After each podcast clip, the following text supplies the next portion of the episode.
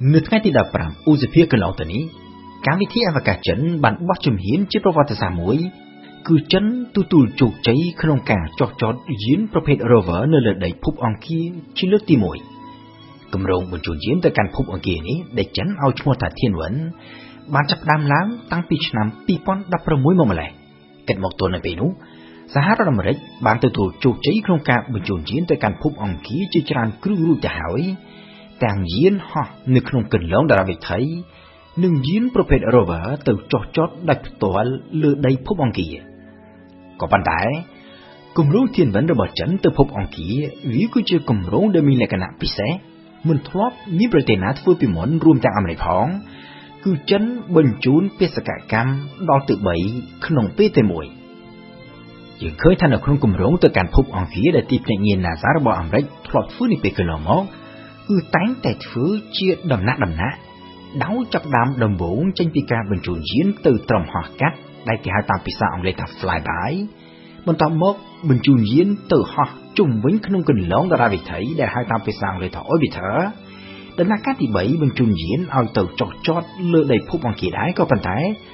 មានតែទួលយានសម្រាប់ចុះចតដែលហៅតាមភាសាអង់គ្លេសថា lander ក៏ប៉ុន្តែមិនមានផ្ទុក rover ទាល់តែក្រោយពីបានទទួលជោគជ័យនៅក្នុងគ្រប់ដំណាក់កាលទាំងអស់នេះរួចហើយទើប NASA ចាប់ផ្ដើមបញ្ជូន rover ឲ្យទៅចុះចតលើដីភពអង្គារដោយគិតជាសរុប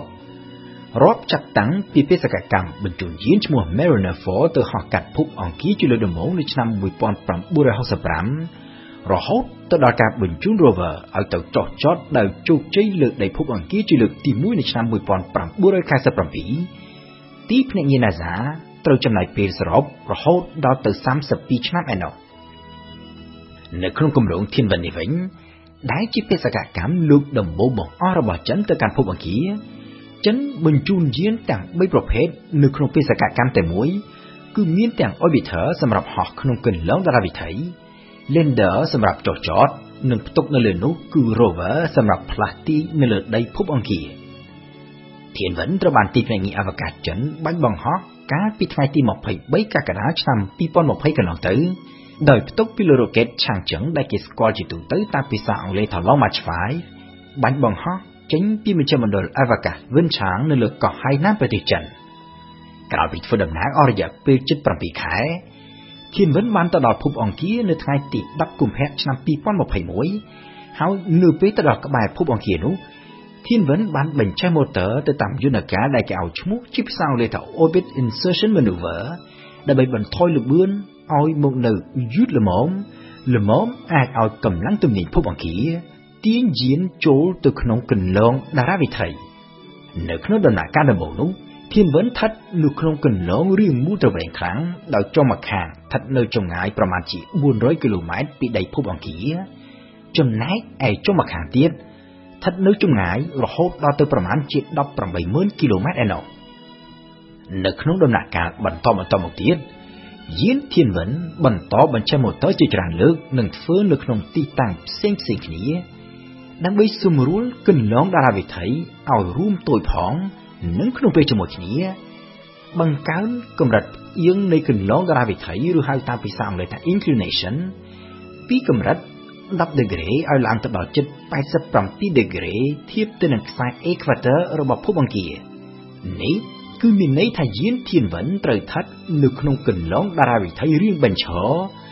វិលកាត់ពីលើតំបន់ពោលទាំងពីរនៃភពអង្គារក្រោយពីបានចំណាយពេលជាង3ខែប្រមូលទិន្នន័យនៅក្នុងគន្លងតារាវិថីនិងជាពិសេសថតរូបភាពលម្អិតអំពីសន្តានដីភពអង្គារនៅត្រង់ទីតាំងដែលត្រូវចុះចត ធានវិនត្រូវផ្ដាច់ខ្លួនជាពីរគឺ orbiter បន្តស្ថិតនៅក្នុងគន្លងតារាវិថីចំណែកឯ lander ដែលមានផ្ទុក rover នៅលើនោះផងត្រូវចេញពីគន្លងតារាវិថីដើម្បីសម្ដៅទៅចុះចតលើដីភពអង្គារដំណើរការចុះចតយានរបស់ចិននេះក៏មិនសូវជាខុសគ្នាប៉ុន្មាននោះទេពីការចុះចតយានដែល NASA ធ្លាប់ធ្វើពីមុនគឺធ្វើទៅតាមយន្តការដែលគេឲ្យឈ្មោះជាភាសាអង់គ្លេសថា Entry Descent and Landing ហៅកាត់ថា EDL គ្រប់ដំណើរការទាំងអស់រាប់ចាប់តាំងពីពេលដែលយានផ្ដាច់ខ្លួនចេញពី orbiter ចូលទៅដល់ស្រទាប់បរិយាកាសបើកឆាត់យងបន្ថយលឿនដើម្បីចោះចតសន្សំសន្សំនៅលើដី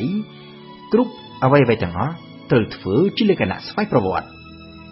ក្រោយពីឆ្លងកាត់ដំណាក់កាលដ៏សែនស្មុគស្មាញដែលក្រុមនៃវិទ្យាសាស្ត្ររបស់ NASA តែងតែនាំគ្នាហៅថា The 7 Minutes of Terror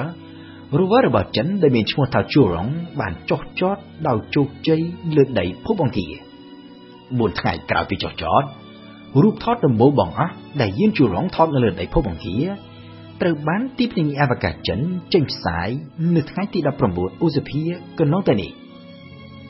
តាមគម្រោងយានជូរងត្រូវបានសាងសង់ឡើងឲ្យអាចមានដំណើរការនៅលើដីភពអង្គារនោះរយៈពេល90ថ្ងៃ ដើម្បីសិក្សាលម្អិតអំពីធាតុផ្សំនិងសណ្ឋានដីរបស់ភពអង្គារក្នុងពេលដែល orbiter ដែលស្ថិតនៅក្នុងកន្លងតារាវិថីបន្តប្រមូលទិន្នន័យដើម្បីបន្តសិក្សាទៅលើភពអង្គារនោះផងហើយក៏នឹងដើរតួផងដែរជាផ្កាយរណបដើម្បីភ្ជាប់ទំនាក់ទំនងរវាងយានជូរងនិងភពផែនដី។